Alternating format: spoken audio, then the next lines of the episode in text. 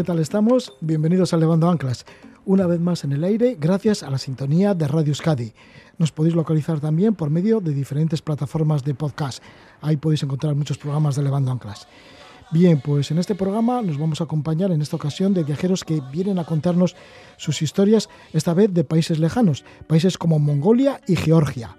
Estaremos con Maite López Ferrer. Fue a Mongolia para moverse de manera independiente buscando montañas que no figuran en los catálogos de las empresas de expediciones.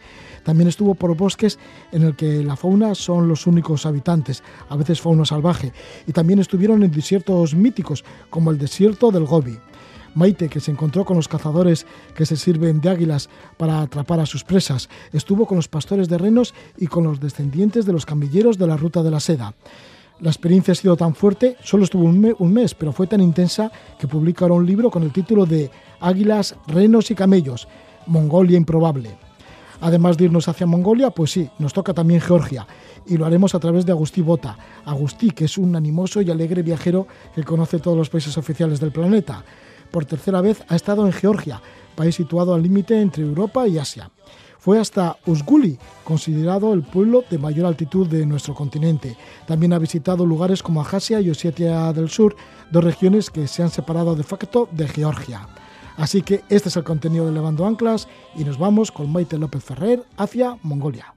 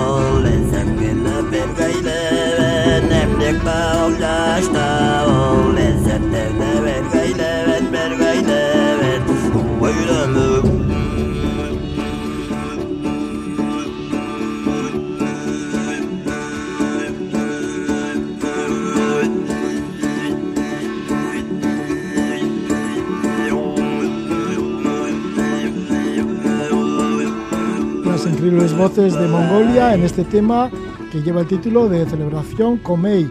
Lo hace el grupo Alas Ensemble. Nos vamos, hacia, nos vamos hacia Mongolia y lo vamos a hacer con la autora de un libro que relata un viaje por este país. Vamos a estar con Maite López Ferrer. Ella es licenciada en documentación, nacida en Valencia. En sus viajes va al encuentro de naturaleza y avistamiento de fauna. Así ha estado en Nepal, en Sudáfrica, en Madagascar, Costa Rica, Australia, Nueva Zelanda, costa oeste de Estados Unidos, por los parques nacionales.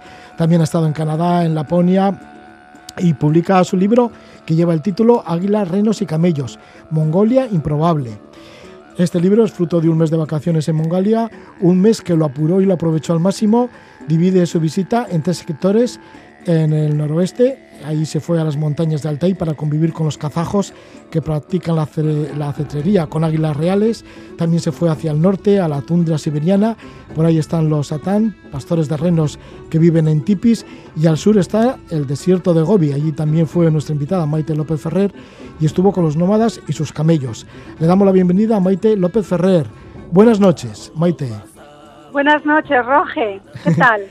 Muy bien. ¿Cuáles son los atractivos que a, priori, que a priori te hicieron viajar a Mongolia y posteriormente publicar un libro? O sea que te lo has tomado muy en serio esto de, conocer Mongolia, porque seguro que lo preparaste muchísimo antes con lecturas, una vez sobre el terreno, que ya hemos dicho que fue un mes, pero que lo apuraste, pero que muchísimo. Y luego, pues para publicar un libro, es un viaje que te ha llegado muy hondo. Sí, sí, sí, sí.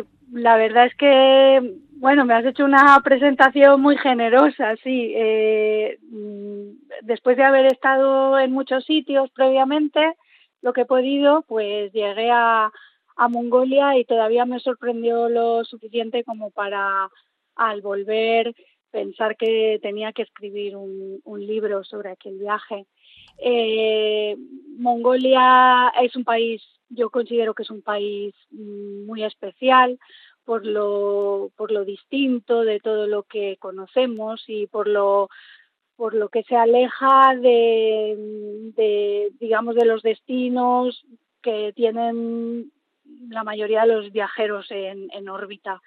A mí personalmente, como tú has dicho antes, siempre hay dos cosas que me, que me tiran mucho, ¿no? Para acercarme a algún lugar.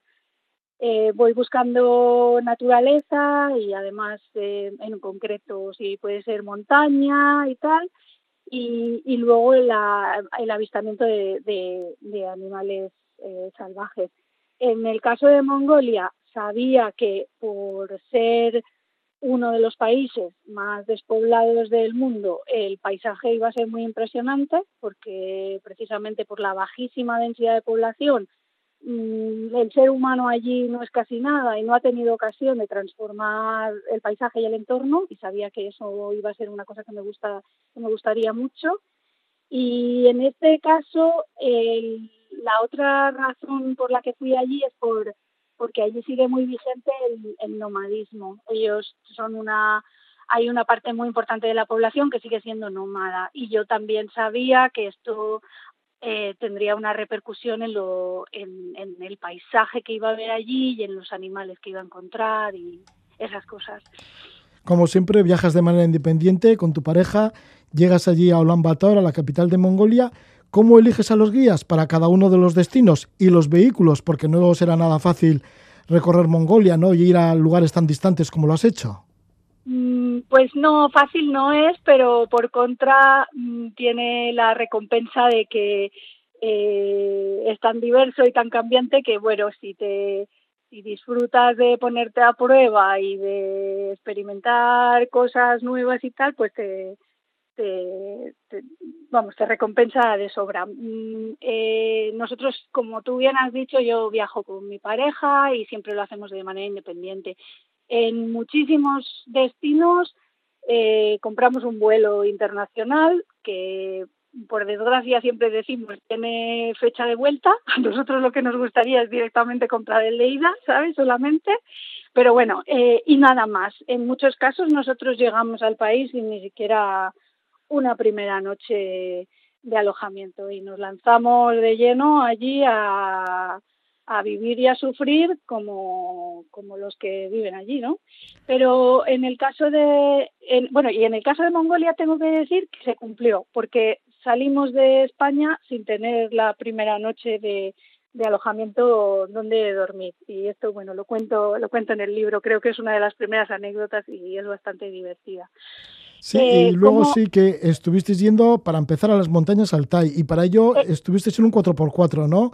Con un conductor sí, bastante joven y también ibais acompañados de un cocinero. Eso es, sí, nosotros contactamos ahí, contactamos a, a, base de inglés y correo electrónico con una agencia local y nos, digamos, organizamos con un vehículo 4x4, el, conductor, cocinero, intendente, que era un kazajo de la zona, que era el que se lo sabía todo, y luego a modo de intérprete, pues iba un chico mongol eh, muy joven, un universitario, que como nosotros viajamos en verano, estaba, digamos, libre de vacaciones, estaba de vacaciones de la universidad en ese momento y aprovechaba para ganarse un dinero extra, pues haciendo de intérprete con algún viajero que se dejara caer, en este caso nosotros.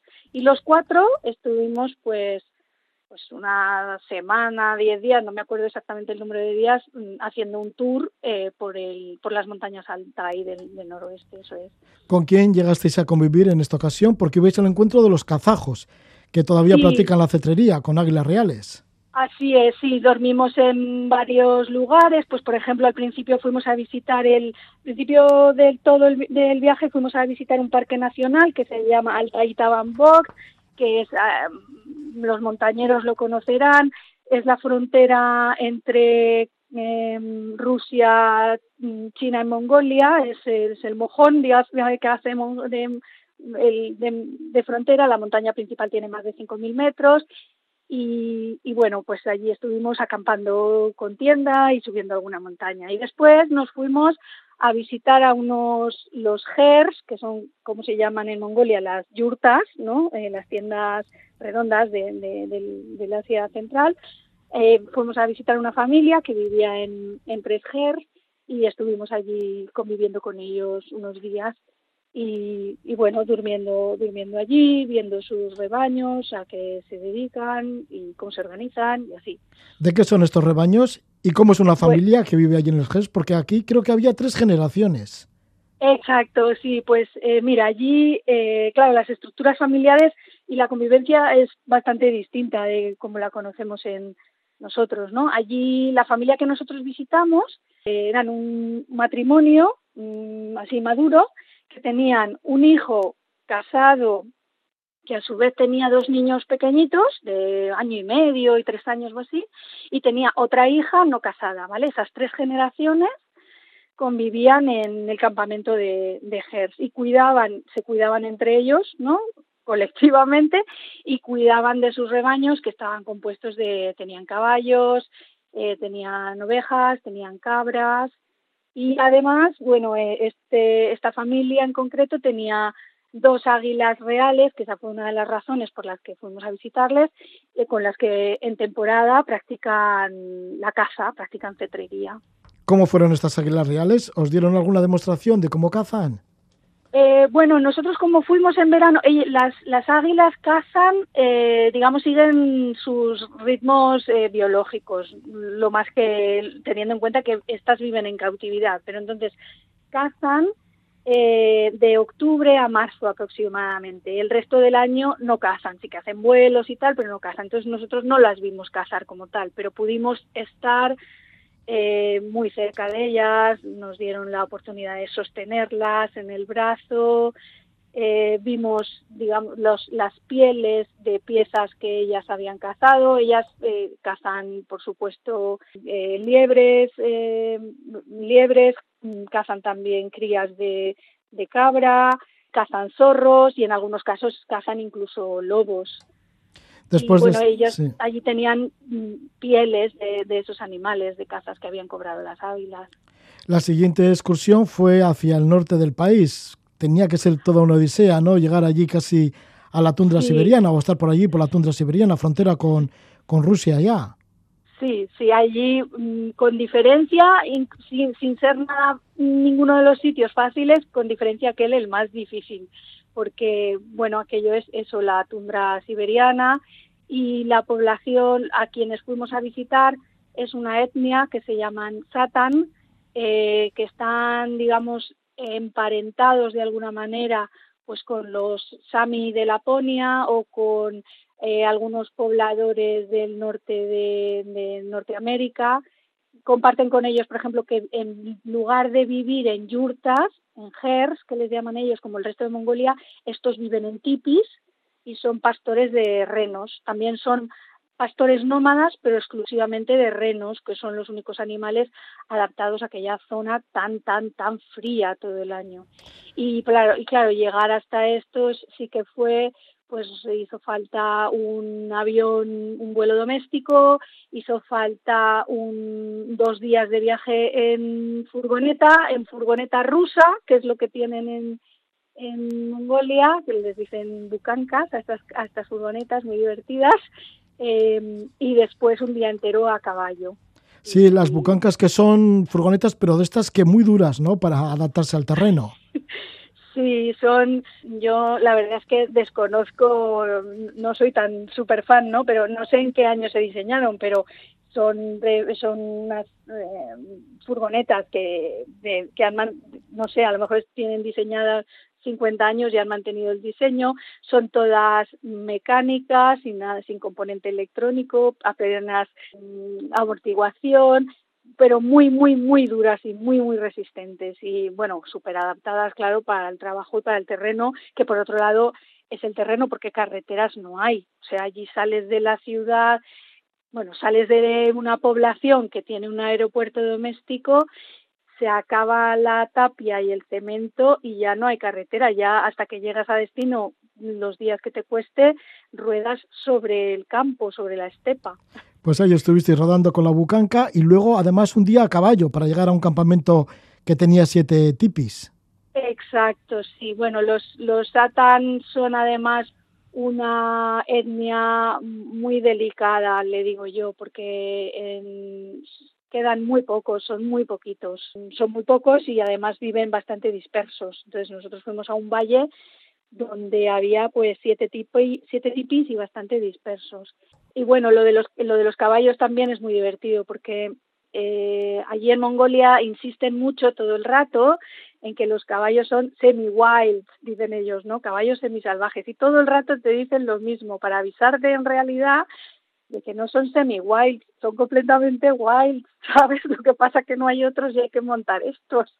Y bueno, pues también es un poco una, una odisea, pero, pero muy, forman muy interesante. Forman parte de su vida, para ellos han sido a lo largo de toda su historia, los caballos han sido súper importantes y como tal los tratan en el día a día, en su cultura y en todo.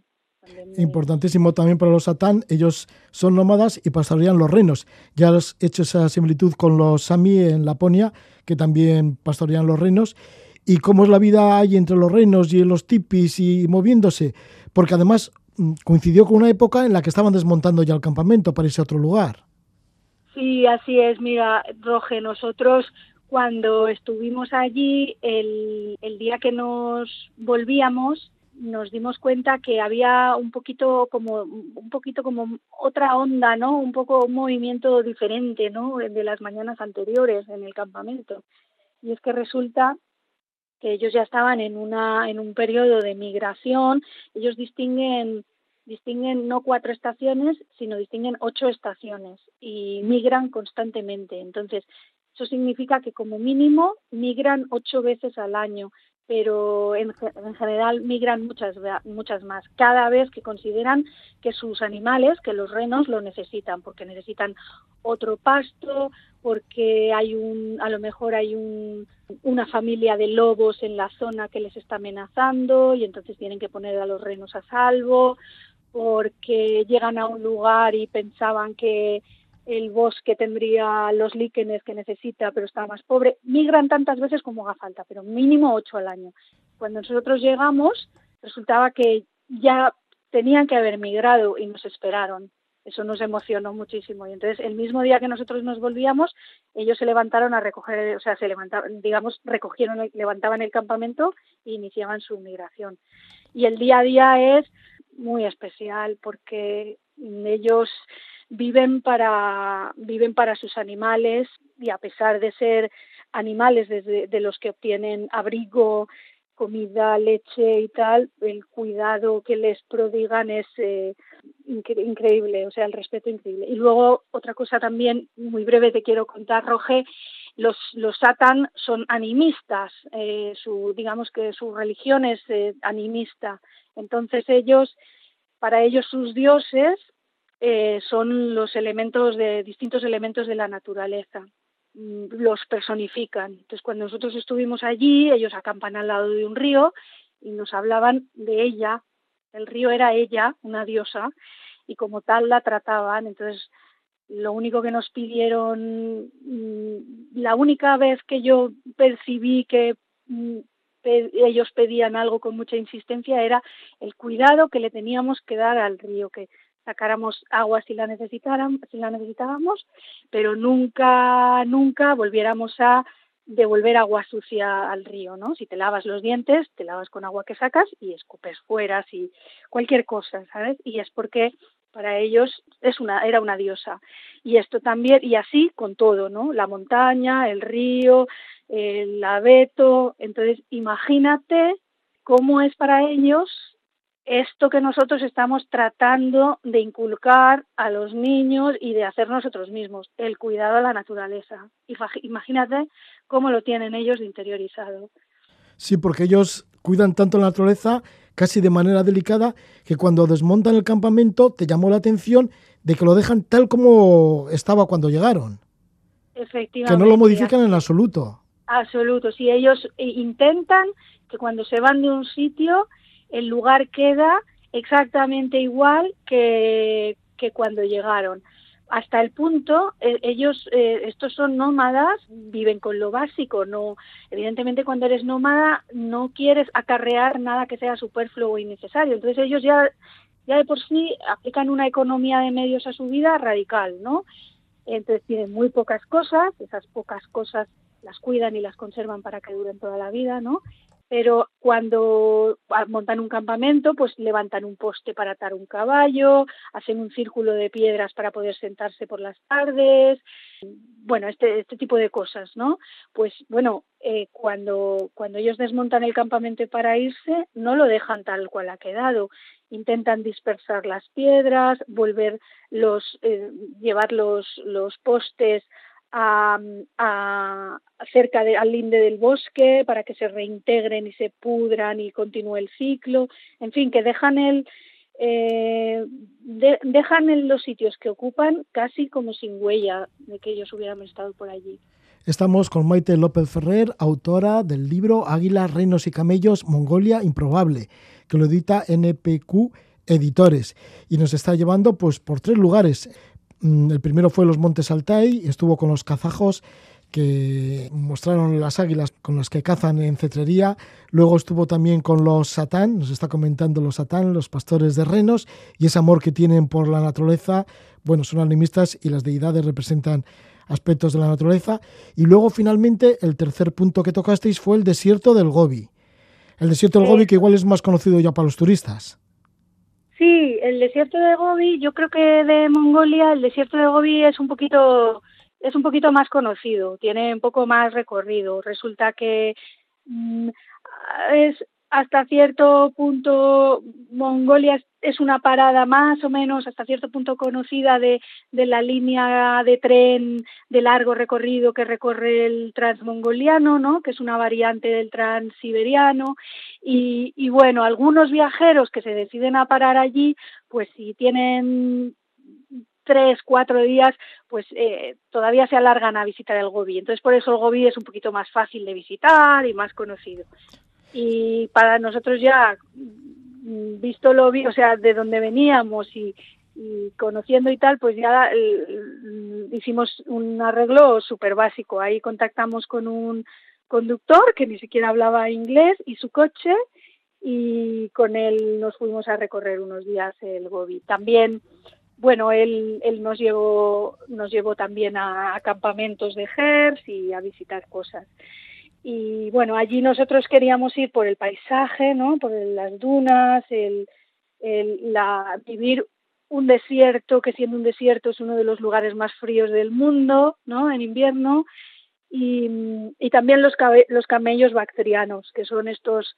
camellos peluditos, digamos, y que son originarios de allí y todavía viven allí porque eso de estar conviviendo en diferentes lugares de Mongolia y estar metidos muchas veces en casa de familias, bueno, en los GERS, ¿qué llama la atención de la vida en un GER? Pues... en cuanto a choque cultural, ¿eh? En cuanto, pues dices, uy, ¿qué está pasando aquí? Que no lo comprendo bien, pero bueno, que luego sí te das cuenta de por qué, de por qué pasa.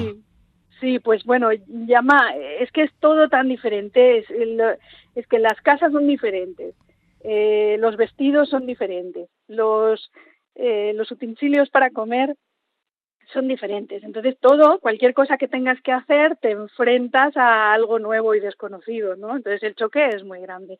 Por ejemplo, a mí una cosa que me llamó muchísimo la atención es que ellos no para nada eh, tienen ese, esa sensación que nos, ese, eh, esa necesidad que nosotros tenemos de intimidad y de privacidad, digamos, dentro de lo que consideramos nuestra habitación o nuestra casa, ¿vale? Donde tú puedes eh, dar la bienvenida a todo el mundo, pero cuando tú das la bienvenida, ¿no? Esto para ellos no existe. Entonces ellos mm, si mm, se van a permitir entrar eh, de sopetón sin llamar y tal a, a, cualquier jefe que entre que encuentren en el camino no pero de la misma manera una familia no le extrañará para nada, ni le violentará, ni nada, que estando tranquilamente, pues se le abra la puerta de golpe y se meta a un desconocido. Y esto a mí me costó mucho entenderlo, ¿no?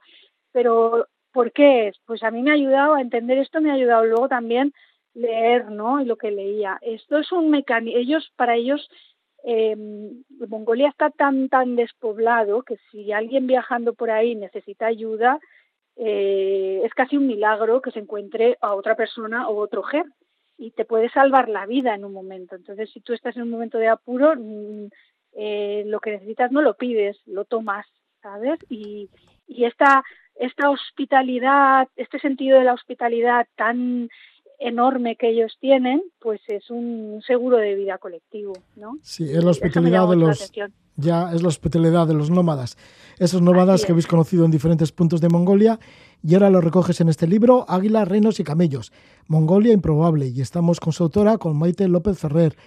El, la editorial es NPQ Editores. Muchas gracias por todo, Maite López Ferrer. Muchas gracias a ti, Roge, y bueno, a vosotros. Muchísimas gracias. Un saludo.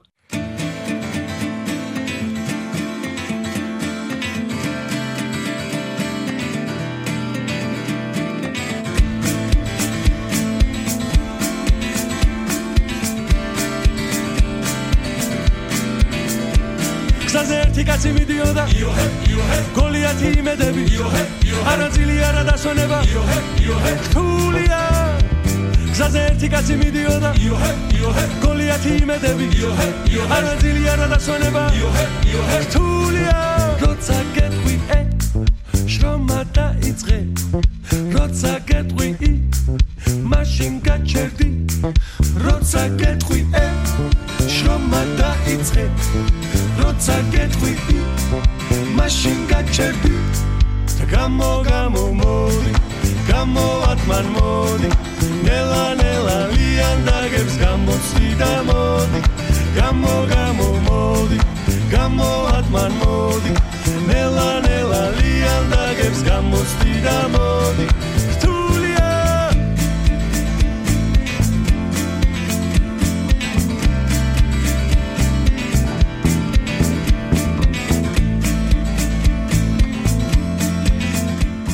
Es el grupo de Georgia Fabrevi con el tema Batman de su LP Geo.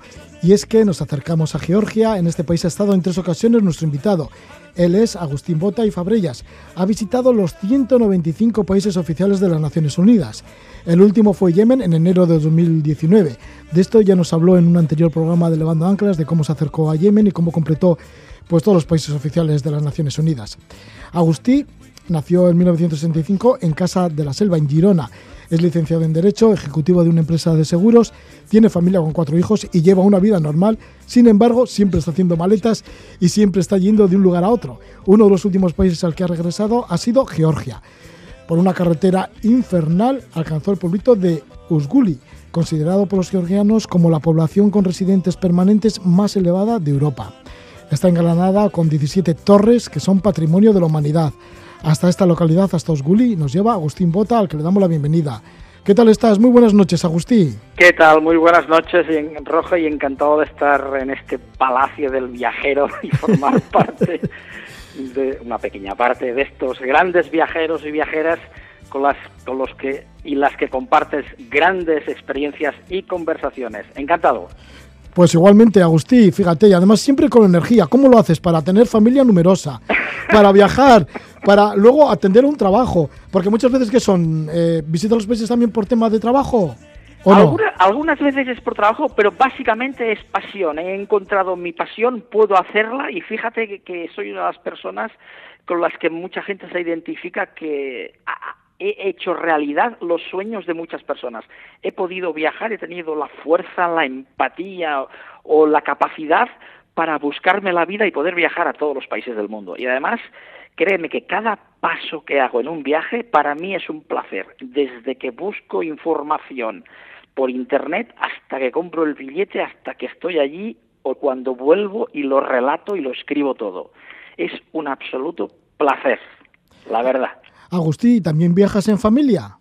Digo, porque si estás por aquí y por allá, con la maleta por un lado, por otro, el trabajo y demás. La verdad es que mínimo una vez al año me llevo a mis cuatro hijos. Y fíjate que mi hija mayor ya tiene 27 años. Pero se apuntan con el padre. El padre no es un mal viajero y se apuntan a viajar. Y de hecho, este año hemos estado todos en Islandia. Ah, qué bien, porque algunos de estos destinos, claro, de todos los que conoces, ya vas seleccionando y dices, esto voy con mi familia, de nuevo. Correcto. Ah, Hay países que la verdad es que son, son razonablemente fáciles de organizar y hay países que son muy, muy, muy complicados para ir con familia y tampoco quiero arriesgarme a pasar situaciones que, que, no, que no que no hay, que no vale la pena hacer. Pero no, cada año, cada año, cada año nos escapamos mínimo una vez para ir a hacer un viaje en familia, los cuatro hijos y yo. En Georgia has estado ya en tres ocasiones, recientemente también.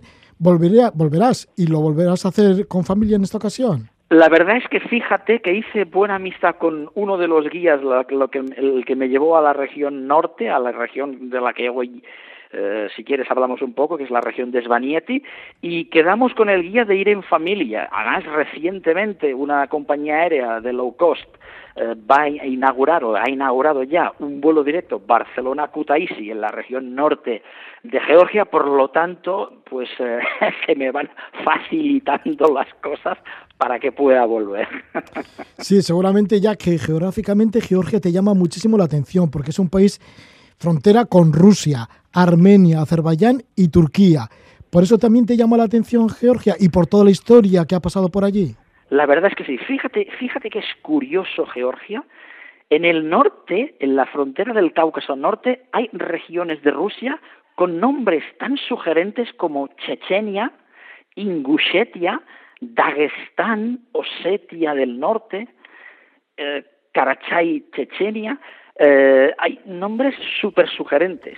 Además, fíjate que eh, es el único país de la zona que tiene buenas relaciones con todos. Tiene razonablemente buenas relaciones con Rusia, muy buenas relaciones con Turquía y también buenas con Armenia y con Azerbaiyán. Es el único de la zona y tiene una historia magnífica. Fíjate, en 1918 se independiza del Imperio ruso, pero le dura muy poco. El 21, tres años después, ya fue invadida por eh, y asimilada por la Unión Soviética, por la URSS. Y, no fue hasta el, 91, con la disgregación y la disolución de la URSS, eh, que se vuelve independiente. Y de ahí, de esa independencia del 91, vienen los problemas que si quieres hablamos de dos regiones que se han separado de Georgia, que son Abjasia y Osetia del Sur. ¿Has tenido oportunidad de estar en ambos sitios, en Abjasia y en Osetia del Sur?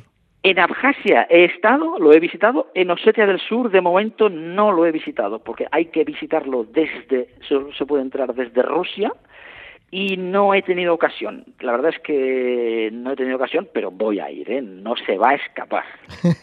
Luego te preguntaremos cómo has entrado en Abjasia o qué hay que hacer para entrar en Abjasia, pero nos quedamos en Georgia. Y si te parece, nos quedamos en su capital para empezar, en Tbilisi. ¿Cómo te parece Tbilisi? La verdad es que, fíjate, el país tiene menos de 4 millones de habitantes. Solo para que os hagáis una idea. Menos de 4 millones de habitantes, Tbilisi, o Tiflis, como lo llaman ellos, tiene más de un millón y medio. O sea, prácticamente es el país. La capital es el país. Allí está absolutamente todo. Es una ciudad, eh, ¿cómo te diría? Con una cierta decadencia. Hay poco dinero, pero se ve que cada vez que, si fueses cada año, cada año verías renovaciones. Yo he ido tres veces y dos veces a la capital y la, la primera vez la encontré bastante decadente, la segunda encontré muchas mejoras y me cuentan, esta, en este último viaje no he estado en la capital, pero me cuentan que está que se está mejorando mucho, mucho, mucho la capital. Es una ciudad muy bonita, muy, muy chula, muy bonita, con río, eh, buena comida, la verdad es que tiene excelentes hoteles, una zona antigua muy bonita, muy buenos museos y como te digo, como es prácticamente la capital, es el país, 1,5 millones de, de, menos de 4, pues la verdad es que todo pasa por la capital, por Tiflis. Muy recomendable. ¿Hay mucha diferencia en la cuestión económica entre lo que puedas tener en hoteles, restaurantes en la capital con el resto del país? que quizá pueda ser más barato. Sí, sí, sí. Eh, yo, en mi experiencia personal, fue que mm, yo suelo alojarme cuando era más joven me alojaba en hostels y habitaciones compartidas, eso ya ha pasado a mejor vida, y ahora pues la verdad es que suelo alojarme en el intento alojarme siempre en el centro para estar eh, en las zonas más turísticas o en las zonas muy cerca de los museos o, zona eh, visitable. Y allí en la capital en el núcleo los precios el nivel de precios no se alejaba demasiado de cualquier ciudad europea de segundo nivel. Evidentemente no es un Londres un París un Viena o un Roma pero sí se asemeja a capitales de, por ejemplo, de segundo nivel, como podrían ser zonas de, de, Macedonia, de Polonia o de Bulgaria. Ahí estaríamos. En cambio, el resto del país, si quieres luego hablamos, es mucho más económico. Sí, por ejemplo, ¿qué te puede costar un hotel o un restaurante? El restaurante eh, podríamos estar del orden de entre 5 y 15 euros en función del, del, nivel de calidad que tengas, pero en mi experiencia yo suelo ir a los buenos o a los, a los que son a los recomendados y menos de 12 euros podías comer perfectamente. Y hoteles sobre los 35, 40 euros, 3, 4 estrellas. ¿eh? razonable. Bueno, pues si nos alejamos un poco de Tbilisi y nos acercamos a la segunda ciudad, a Kutaisi, ¿cómo es Kutaisi? Pues la verdad es que Kutaisi es donde llegan, es una ciudad más fácil de llegar porque eh, una de las compañías aéreas, podemos decir el nombre, ¿no? que es Buicer, eh, vuela desde muchos destinos europeos y eh, se ve que hay un turismo creciente, cada día hay más turismo, y además tiene una, una catedral preciosa del, siglo XI que se llama la Catedral de Bagrati, que es, está como en una loma encima de la ciudad, a 10 minutos a pie, patrimonio de la humanidad y es una visita indispensable para todo aquel que le guste o bien la historia o bien la arquitectura. Además tiene un centro antiguo muy bonito, también un río, evidentemente no podemos pensar que es una ciudad europea, no es Praga, no es Varsovia, no es evidentemente una ciudad italiana, es una ciudad eslava con otras prioridades, otra arquitectura, pero tiene mucho, mucho encanto Kutaisi. Es muy recomendable también. Entre Tbilisi, la capital, y Kutaisi, que es la segunda ciudad de Georgia, está a medio camino Gori. Gori, pues sí que tiene también mucha historia esta ciudad. Gori es conocida básicamente por dos cosas, pero una básicamente, porque es la ciudad natal de Stalin, que no mucha gente sabe que cuando, bueno, de hecho Stalin, el que fuera el presidente, no vamos a, calificar el, tipo de presidente que fue de la, de la Unión Soviética, de la URSS, pues nació en la que hoy es Georgia. En esta ciudad, en esta pequeña ciudad, hay un monumento, un museo, y la verdad es que es muy visitada y hay un cierto, como diría, un cierto fanatismo de la figura de Stalin en esa zona, ¿no? Sí, porque recuerdan mucho, tienen nostalgia por la antigua Unión Soviética. Yo diría que de mi experiencia y de lo que hablo con la gente al viajar solo, pues por fuerza o por necesidad tengo que hablar, intento hablar con, con el máximo de gente posible en todos mis viajes, veo que la gente mayor tiene una gran coincidencia con los postulados eh, soviéticos o, excomunistas. En cambio, la gente joven que no lo ha vivido en ninguno de sus momentos, les da un poco igual. No te diría que se sienten 100% europeos, ni mucho menos, pero les da un poco igual. Eso sí, prácticamente todo el mundo habla ruso como segundo idioma, mucho más que el inglés. El inglés es bastante residual. ¿Merece la pena ir a Gori? Bueno, en función de los días que tengas, está a medio camino entre la capital y Kutaisi. Por tanto, eh, como es un, es un país que es como un calcetín, es alargado para entendernos, para ir a las regiones de las montañas o para ir a Batumi o a Kutaisi, deberías pasar por Gori. Por tanto, una paradita no estaría mal. Bueno, pues ahí en la ciudad que nació Stalin. Si nos acercamos a la, a la región de Sbranieti, que es un poco el objetivo de, esta ocasión para estar con Agustí Bota, que ha estado tres veces en Georgia, pero bueno, esta vez has llegado a una región que está al norte y además se encuentra el pueblo de Usguli, que tiene fama entre los georgianos, ellos dicen que es el pueblo más elevado de Europa con gente habitable, ¿no? Que debe estar como alrededor de 2.200 metros. Correcto, como unos 2.200 metros. De hecho, eh, eso sería una consideración política si entendemos que Georgia es Europa o no es Europa. No voy a entrar en consideraciones, cada uno ya que mire el mapa y considere lo que considere. Ellos, eh, para lo que quieren, pues son europeos y para lo que no quieren, no. De hecho, hay unos como 200 habitantes, hay grupos ¿qué te diría? Es, es como, como, como un pueblito, no hay pisos, obviamente, como un pueblito con estas, estas torres que has dicho tú, formadas eh, pues hace, hace, hace un par de siglos por las grandes familias potentadas y que está al final de todo, de, de, de, un camino infernal. De hecho, desde la capital de la zona, la capital de la, de la zona de Svaniete, que se llama Mestia, que es un pueblito de 2.000 habitantes, que tampoco nos vayamos a pensar que es una gran capital, pero es un poco el centro neurálgico donde se reúnen las oficinas de turismo, el banco, los servicios, hoteles. Hay una carretera que todo ves en el navegador que existe la carretera y pero al, empezar la carretera ves que aquello, esos 45 kilómetros van a durar, van a durar rato y la verdad es que se está como dos horas, dos horas y media con un conductor atrevido y valiente subiendo por pendientes que no son para todo el mundo y por una carretera que está en muy, muy, muy mal estado. Quizá esto podría ser parte del encanto y de la gracia, pero llegar allí es como como cuando uno es escalador y llega a la meta o llega a la cima, el gran placer, pues esto es un poco lo mismo. Llegar a Ushguli es, es, una emoción. Llegas a ese valle tan alto, fondeado por montañas de 4.500 metros que la separan de, de, la vecina Rusia, y la verdad es que impresiona un poco. ¿eh? es, muy emocionante, muy chulo, muy, muy recomendable esta ¿Por, ¿Por qué esta carretera es tan horrible? Quizá mm, no hay que tener demasiado vértigo si te atreves a meterte en ella.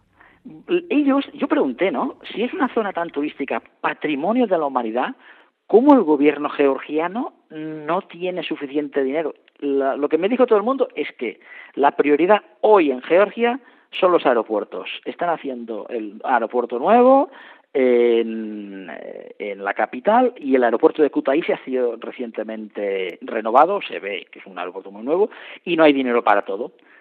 Poco a poco lo van renovando, pero como los 4x4 llegan igual, pues es, forma parte del, de la emoción del viaje. La verdad es que había nosotros nuestro guía iba el guía y yo no íbamos en un 4x4 íbamos en un Toyota que te diré yo, como una especie de furgoneta, y yo, te juro, yo pensaba, por ahí no subimos ni de coña.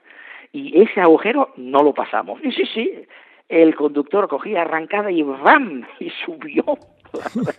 me impresionó. Pero oye, no sé, para un viaje familiar o para un viaje de placer de unos días, quizá la gente lo va a pasar un poquito mal, quizá no es eh, esperarse a que lo arreglen un poco. Bueno, pues como dices tú, es la ventaja de que no va mucha gente por allí de momento y esas 17 torres, cuando las contemplas, que son como una especie de casa torres, como casi rascacielos. No, para los que conozcan un poco la, zona de San Gimignano, por ejemplo, en la Toscana. En Italia, por supuesto, que bien bonito ese pueblo, medieval. Sí, pues, pues un poco, un poco lo mismo eh, fórmula eh, de, de, de, paralelepípedo exactamente es muy, muy, muy similar. Quizás eh, la concentración es más alta en esta zona, en Usguli, en un pueblito, es que no llega a pueblo, es, ¿qué te diría yo? Pues 100 metros, de verdad, 100 ¿eh? metros por 100 metros. En esos 100 metros está esa concentración tan alta de torres, y cuatro casitas y un museo y un bar y un restaurante que ha sido declarado Patrimonio de la Humanidad por, por esa altísima concentración de torres. Y han habilitado una especie de miradora en lo alto de una montañita y puedes hacer unas fotos magníficas y unas vistas, si tienes la suerte, como yo tuve, de tener los, un día claro de octubre, muy, muy, muy soleado y sin prácticamente ninguna nube, pues la verdad es que es de esos placeres que se disfrutan a cada segundo. Pues sí, ahí estás, ahí estás, Agustín Bota. Después de conocer todos los países del mundo, cómo saboreas y cómo te entusiasmas con cualquier otro lugar ¿no? que no hayas conocido, como en este caso como con Osguli, ¿no? este pueblo a 2.200 metros en Georgia. Y hablando de lugares así como muy atractivos, cercanos a Georgia, has nombrado entre otros Abjasia y que en Abjasia sí has estado también. ¿Cómo de complicado es obtener un permiso especial para entrar en este, bueno, no sé si país, porque no está reconocido por casi nadie, ¿no? Está reconocido, pues fíjate, fíjate, está reconocido solo por cinco países. Rusia, lógicamente, Nicaragua y Venezuela, el país Nauru, que es una pequeña es una pequeña isla en el Pacífico, y Siria, fíjate que Siria lo ha reconocido, ¿por qué será, no?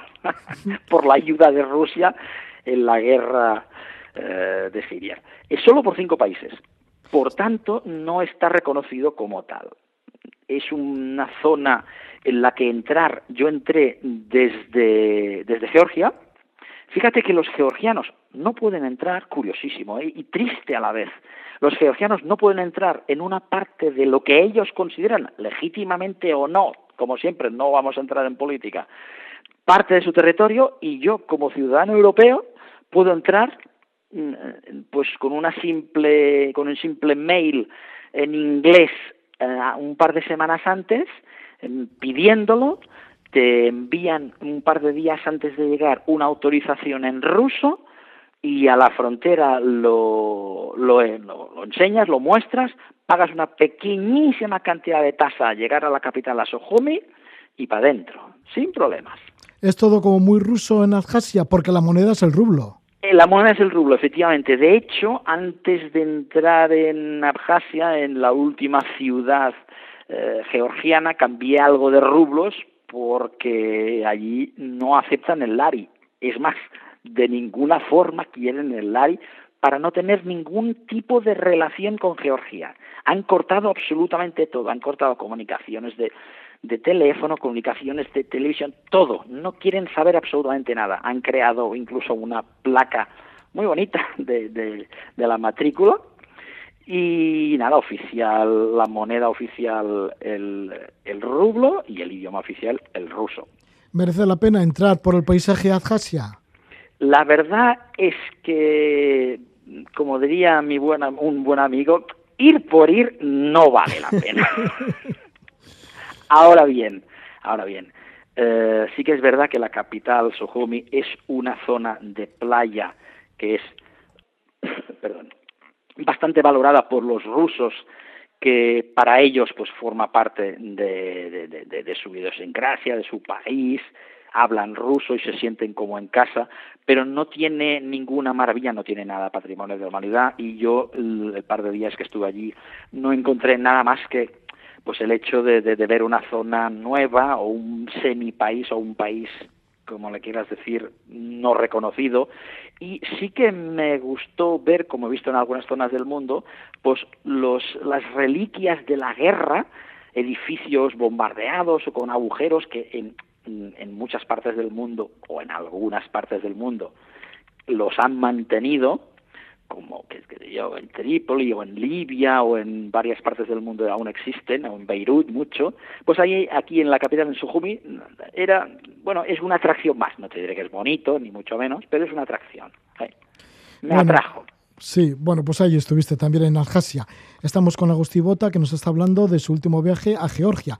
Y ha estado en tres ocasiones y esta vez, bueno, pues estuviste por la región de Svanieti, en el norte, cuya capital es Mestia, y te asomaste por allí, por Usguli, este pueblo que los georgianos dicen que es el más elevado de Europa, a 2.200 metros, bueno, el más elevado que todavía tiene habitantes y vida normal y demás.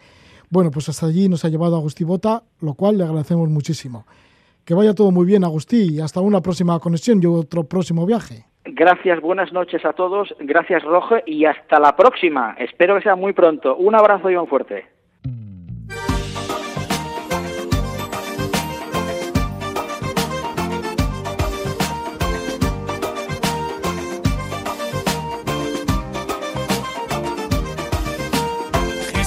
კოშში თიჭამდა გოდრი ჩამოგიტანეო საწნა ხელში დაგწურე და ღვინოთ გამოგიყვანეო. საწნა ხელში დაგწურე და ღვინოთ გამოგიყვანეო. სუფრას არ მომდიგინახე სადღეგრძელო გიწოდეო es la música de Georgian People, música con la que despedimos a Agustín Bota. Agustín Bota que nos transmite el disfrute y el entusiasmo que le producen los viajes. Por ello, conoce todos los países oficiales de la Tierra, no para de moverse y esta vez nos ha comentado su tercera estancia en Georgia. Nos vamos a ir en Levando Anclas con la música del grupo de folk de Georgia, Estumari. Tocan instrumentos como la flauta, el violín, el cello, la guitarra y el doble bajo. Así que con la música de Estumari, pues nada, desearos que vaya bien la semana Surquemos los mares, buenos vientos y dulces sueños.